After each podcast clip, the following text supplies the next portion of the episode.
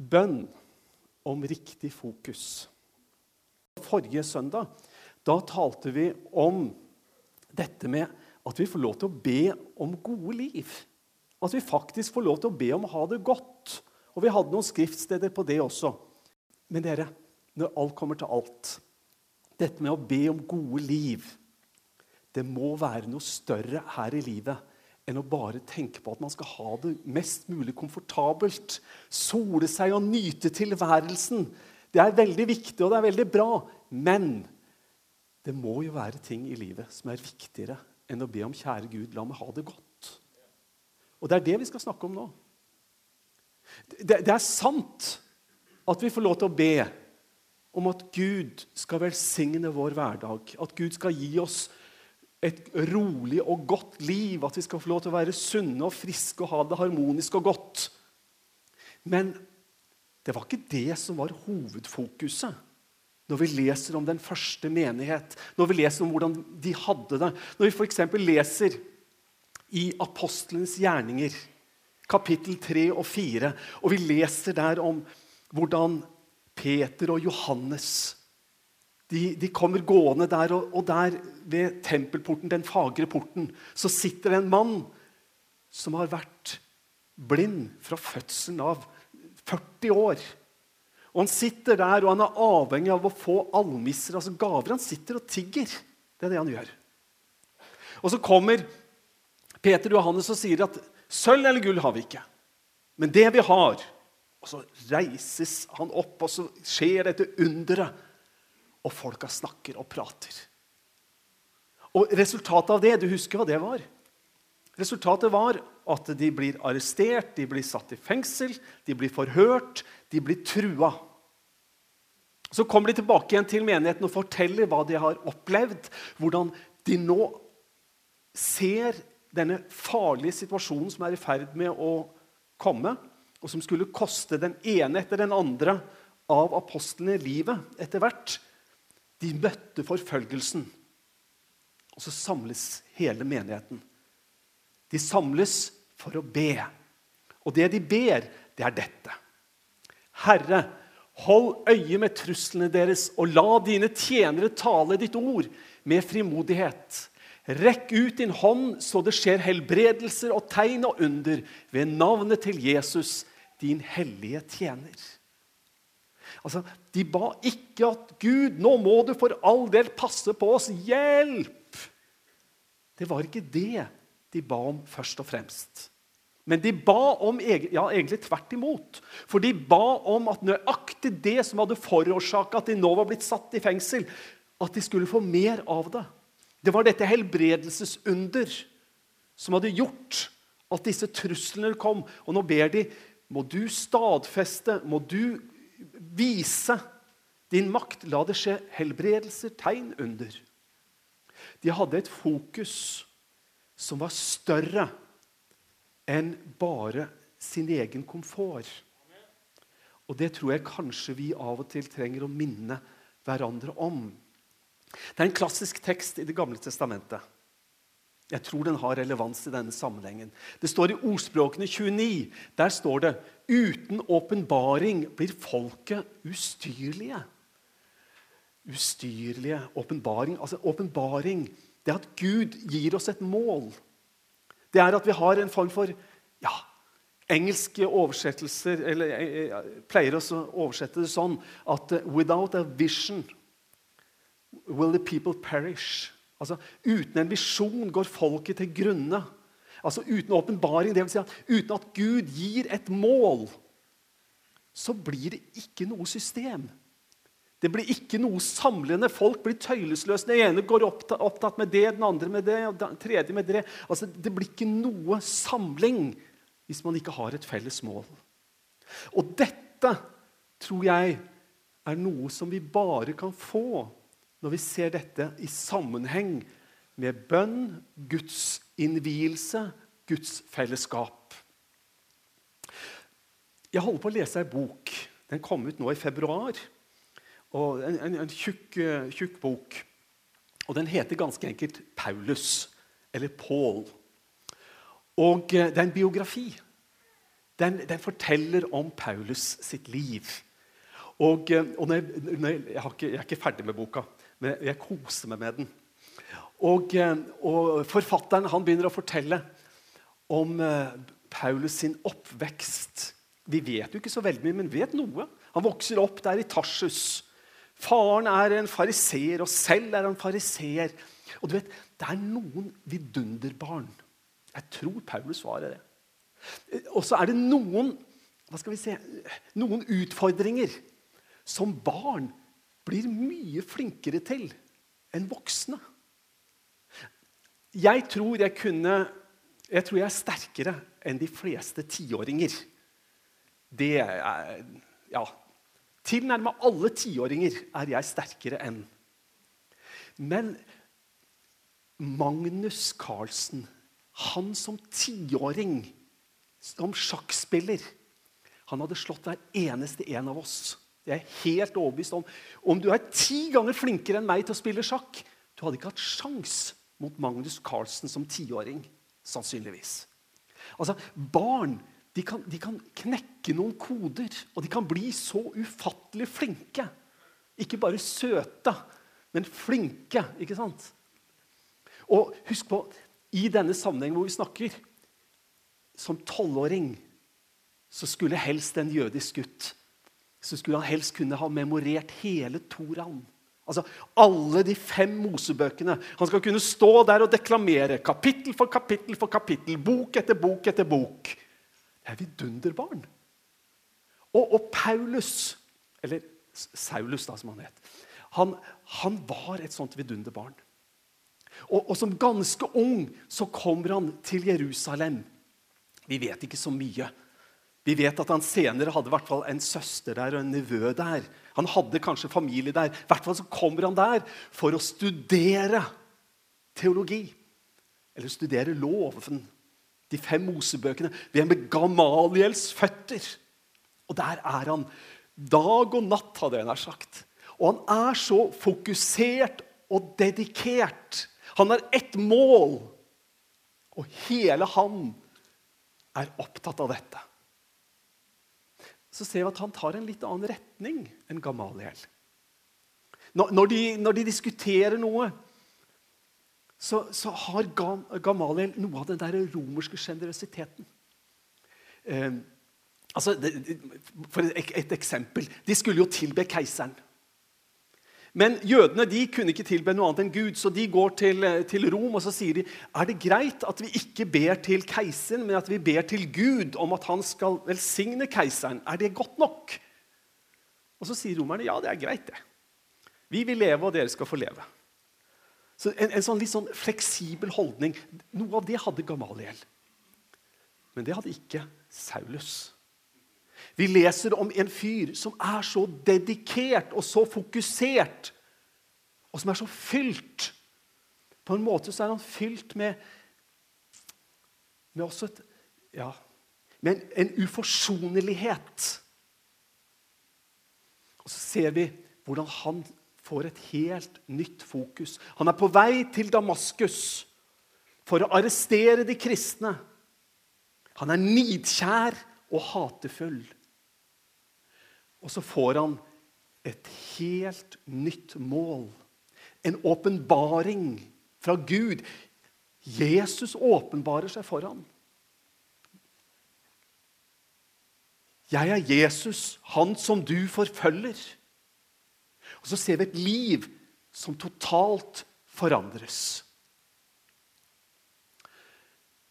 Han har noe av den samme evnen til å fokusere, til å være dedikert. Men nå får han noe helt annet, fordi han har fått en åpenbaring fra Gud som preger hele hans liv og hele hans prioriteringer. Han er ikke opptatt lenger, eller det har han aldri vært, men han er ikke opptatt sånn som vi så fort blir. Vi blir opptatt av minste motstands vei og det enkle og det komfortable. Noen år etter dette, hvis vi kommer til rundt år 50, så kommer han, og han kommer sammen med Silas. Og Arkeologene sier at dette er et fangehull fra den tiden. Kanskje det var der. Men noe mer enn det vet de jo selvfølgelig ikke. hvor, hvor Paulus og Silas de sitter der fengsla for sin tro, for forkynnelse. Og de har bønn og lovsang. Ehm, det er ikke sikkert at det var et halleluja-møte. Det er ikke sikkert. Det er ikke sikkert at de var så sprudlende glade. Det er langt fra sikkert. Men de ba til Gud, og de lovpriste Han. Vi tenker av og til på lovsang som, som bare at det er bare vakkert og så nydelig og de gode følelsene. Det skal det jo være, og det kan det være. Men, men det er ikke sikkert at de hadde det så innmari godt.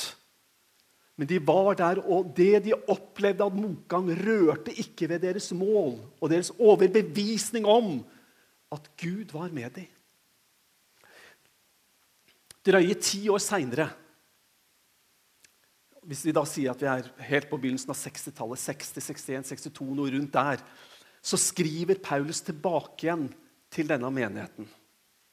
Han skriver til denne menigheten som fremdeles opplever vanskeligheter og forfølgelse. Og han skriver noe om på en måte at dere må være fokusert, dere må være dedikert. Og så skriver han noen, og jeg, jeg har en par-tre, ja, tre-fire sånne sitater. Han skriver 'Å leve for meg'. Å, å leve er for meg Kristus. Å dø er en vinning. Han, han, han skriver for Kristi skyld fikk dere den nåde ikke bare å tro på ham, men også å lide for ham. Altså, man har en visjon som er større enn egen komfort. Og han er et levende hva skal vi si, en, en levende motpol til tanken 'what's in it for me'? Som, så fort dreier seg om hva kan jeg tjene av dette? Hva, hva kan jeg få ut av denne situasjonen? Og Så skriver han til menigheten i Filippi. For Kristi skyld fikk dere den nåde, ikke bare å tro på ham, men også å lide for ham. Han skriver Gjør ikke noe av selvhevdelse og tom ærgjerrighet, men vær ydmyk og sett de andre høyere enn dere selv. Tenk ikke bare på deres eget beste, men også på de andres. Så kan vi tenke hvordan er det mulig å ha et sånt fokus? Det er lett å si det med ord. Men å, å virkelig ha et sånt fokus og kunne si det fra hjertet som det Paulus gjorde, og som vi får lov til å ta inn. Paulus han, han skriver også 'be uavbrutt'. Han, han, han, taler noe om en gudsrelasjon. For det han snakker om her, det er at det er noe man skal gjøre for Guds skyld. Ikke for at jeg om en stund så kommer alle menneskene til å skjønne at jeg hadde rett. Om en stund kommer jeg til å få ære og ros og heder, som, selv om det er litt tungt nå. Men her møter vi noen som sier man skal gjøre noe for Guds skyld. Helt uavhengig av hva mennesker måtte si og mene. Tenk ikke bare på deres eget beste, men også på de andres. Jeg har ett sitat til. Det er en nydelig sang La samme sinnlag være dere som også var i Kristus Jesus. Han var i Guds skikkelse og så det ikke som et rov å være Gud lik, men ga avkall på sitt eget, tok på seg tjenerskikkelse og ble menneskelik da han sto frem som menneske fornedret han seg selv og ble lydig til døden, ja, døden på korset. Derfor har også Gud opphøyd ham til det høyeste og gitt ham navnet over alle navn. I Jesu navn skal derfor hvert kne bøye seg i himmelen og på jorden og under jorden, og hver tunge skal bekjenne at Jesus Kristus er Herre, til Gud Faders ære. Han skriver, han siterer, og fokuset er dette ene. Det er Jesus som Herre. Han har fått et nytt fokus og en ny retning som jeg tror bare kan justeres, fornyes i våre liv gjennom noe av dette som han sa. Be uavbrutt, eller be uavlatelig, som det sto i 1930-oversettelsen. Dette fellesskapet og nærheten hos Gud, for dette er ikke naturlig for oss. Han har fått en ny verdiskala som justeres. Og det justeres gjennom ordet og bønnen. Hør her hvordan han skriver. Fremdeles til filippenserne. Så skriver han Men det som før var en vinning for meg, det regner jeg nå for Kristers skyld som tap. Ja, jeg regner alt som tap, fordi det å kjenne Kristus, Jesus, min Herre, er så mye mer verdt. For hans skyld har jeg tapt alt. Og alt jeg har tapt, regner jeg som verdiløst skrap, bare jeg kan vinne Kristus. Jeg sliter av og til når jeg ser i mitt eget liv og i andres liv hvor lett det er for oss å bli både selvsentrert og fokus på det komfortable. Og så ser jeg her i Bibelen, når jeg ser disse trosheltene, så ser jeg en, en helhjertethet. Og jeg tror vi kan tale om det, og vi kan beskrive det, og vi kan stoppe for det. Men jeg tror det er en vei som vi er nødt til å gå hvis vi skal tilegne oss dette fokuset. Og den veien, det har med bønn å gjøre. Det har å gjøre med å sette seg ned med en åpen bibel i bønn og lære av Han som sa, 'Lær av meg', for jeg er ydmyk og saktmodig av hjerte. Det vi bare kan lære av Han. Du, la meg ta et par vers som jeg siterte. Vi leste vers 5 der. Eh, der står det 'La samme sinnlag være dere som også var i Kristus Jesus'. Og så leste vi 'Han som ga avkall på sitt eget, tok på seg tjenerskikkelse og ble mennesker lik'. De to versene der. Det første verset 'La samme sinnlag være i dere som også var i Kristus Jesus'. Du, vi er nødt til å ha bønnefellesskapet for å få dette sinnelaget. Vi er nødt til å omgås Han hvis at Han skal vinne skikkelse i oss. Det er det ene. Det andre Han som ga avkall på sitt eget, tok på seg tjenerskikkelse og ble mennesker lik. Du, jeg sa det var et nøkkel, eller et klassisk bibelvers, sa jeg. Det, det er at uten åpenbaring blir folket tøylesløse. Altså, du, det siste verset. Altså, Gud må gi oss et mål, en mening. Og for å få det ja, bønn er en nødvendighet, men jeg tror det er én ting til. Jeg tror vi må se behovene og oppleve de. Så lenge vi sitter i vår komfortable verden, så, så lenge alt jeg opplever av, av, av, vanskeligheter og problemer, er noe jeg leser om eller hører om, men ingen jeg kjenner så tror jeg ikke at dette blir en åpenbaring som virkelig går inn som en visjon som preger og som styrer og som leder. Gud taler til oss, men jeg tror ikke at han bare taler gjennom mirakuløse åpenbaringer. Jeg tror Gud taler til oss når vi ser mennesker. Når vi møter menneskers behov. Når vi ser barn som trenger hjelp. Når vi ser andre mennesker som sliter med det ene eller det andre, og vi opplever at dette er mennesker i vår omgangskrets. Jeg tror at eh, når vi har etter skoletid, og vi trenger voksenledere her, så tror jeg at det er en inspirasjon for mennesker å stille seg til disposisjon, for de vet at det er et behov. Man ser det. Det å, det å, få inn folk og frivillige mennesker til å gjøre en innsats for noe vi en gang kanskje skal begynne med, men som ikke vi har noen forståelse av er et reelt behov, tror jeg er vanskelig. Vi må bryte en form for isolasjon for å forstå hva Gud taler til oss om når det gjelder å spre ut evangeliet og møte andre mennesker. Det er noe. Du, vi må be, og så må vi la Gud tale til oss. Og så er det dette med, med komfort som ikke alltid er akkurat så begrensa som det å bare ha det godt. Jeg tenker på hvordan Paulus skriver til menigheten i Filippi. Han skriver Og nå, nei, og så, mine søsken, gled dere i Herren. Jeg blir ikke trett av å skrive det på nytt, og det skal gjøre dere trygge. Og så fortsetter han. Gled dere alltid i Herren. Igjen vil jeg si, gled dere.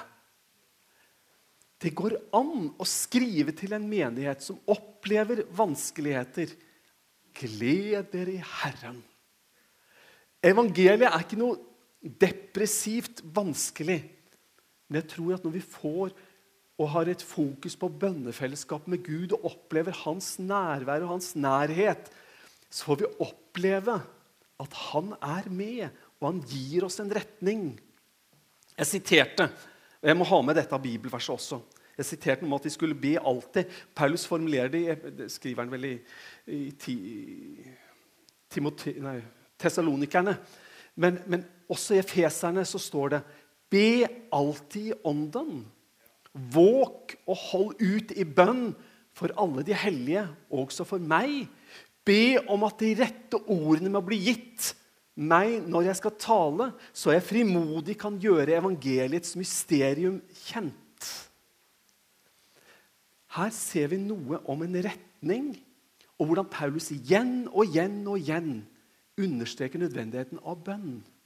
For at dette skal bli virkelig, og ikke bare utopi, ikke bare en dagdrømmeri, så er Paulus selv i bønn åpenbart. Og så henvender han seg til disse. Vær med og be, dere i Efesus. Riktignok er dette enda et fangebrev hvor Paulus sitter i fengsel, skriver til menigheten i Efesus. Og så har han dette enorme fokuset.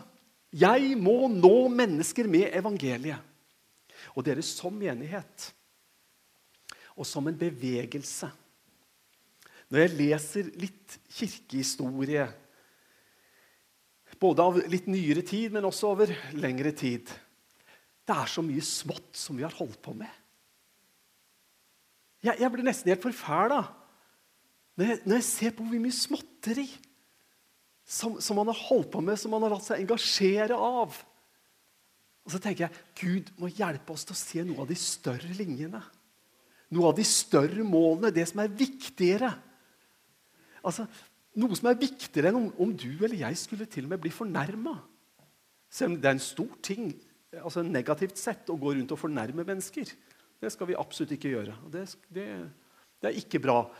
Men, men, å gå rundt og være såra, og, og, alt dreier seg om meg og mitt og mine Og når vi leser kirkehistorien om alt som har skjedd Det har vært mye smått vi har holdt på med, og som har fått plass til noe av dette store. Og du, dette er en beskrivelse av ting som er stort. Be alltid i ånden. Våg og hold ut i bønn for alle de hellige. Altså i forbønnstjenesten. Også for meg, skriver Paulus. Be om at de rette ordene må bli gitt meg når jeg skal tale, så jeg kan frimodig gjøre evangeliets mysterium kjent. Dette var han opptatt av at evangeliets mysterium skulle bli kjent. Og dere, det er å ha en visjon. Det er, det er å ha et mål. Og vår menighet Vi har, vi har nedtegna noe som, som skal samle oss. Det er at vi skal ha åpne dører. Åpne dører til Gud. Halleluja. Vi skal proklamere og forkynne at Jesus er veien, han er sannheten, han er livet. Det er en åpen adgang. Vi skal ha åpne dører til Gud, til gudsfellesskapet. Åpne dører til det interne menighetsfellesskapet. Det er et mål. Er, vi må ikke la noen ting komme inn og ta fra oss det, for det er så viktig. Enhver, om, om, om det er forskjellige ting og vanskeligheter Vi skal omslutte. Det skal være en åpen dør til fellesskap. Det skal være en åpen dør for å nå ut til de som ikke har hørt evangeliet. Altså En visjon, en åpenbaring. Men dette må ikke være ord for oss. Det er noe med bønn. Det å, det å be Gud Vi ber om at vi skal oppleve denne nærheten til deg. Gud, vi ber for den enkelte i menigheten. Be for, sånn som det står her, Be, våk og hold ut i bønn for alle de hellige. Og så be for de som ennå ikke har lært Gud å kjenne. Det er det som er viktig. Det er det som vi skal bruke tid og krefter på. Og for å få denne prioriteringa riktig, så har det noe med ordet og bønnen Det har noe med det alenesamfunnet mellom Jesus og deg. Det har noe å gjøre med at du setter av, og vi har jo snakka mange ganger om 15 minutter i godstolen. Det å sette seg ned med en åpen bibel og be litt og lese litt og, og, og, lytte inn hva Gud sier, det har å gjøre med å være sammen med mennesker og se deres behov. Og så taler Gud, så åpenbarer Gud at vi har en oppgave og noe som må utføres.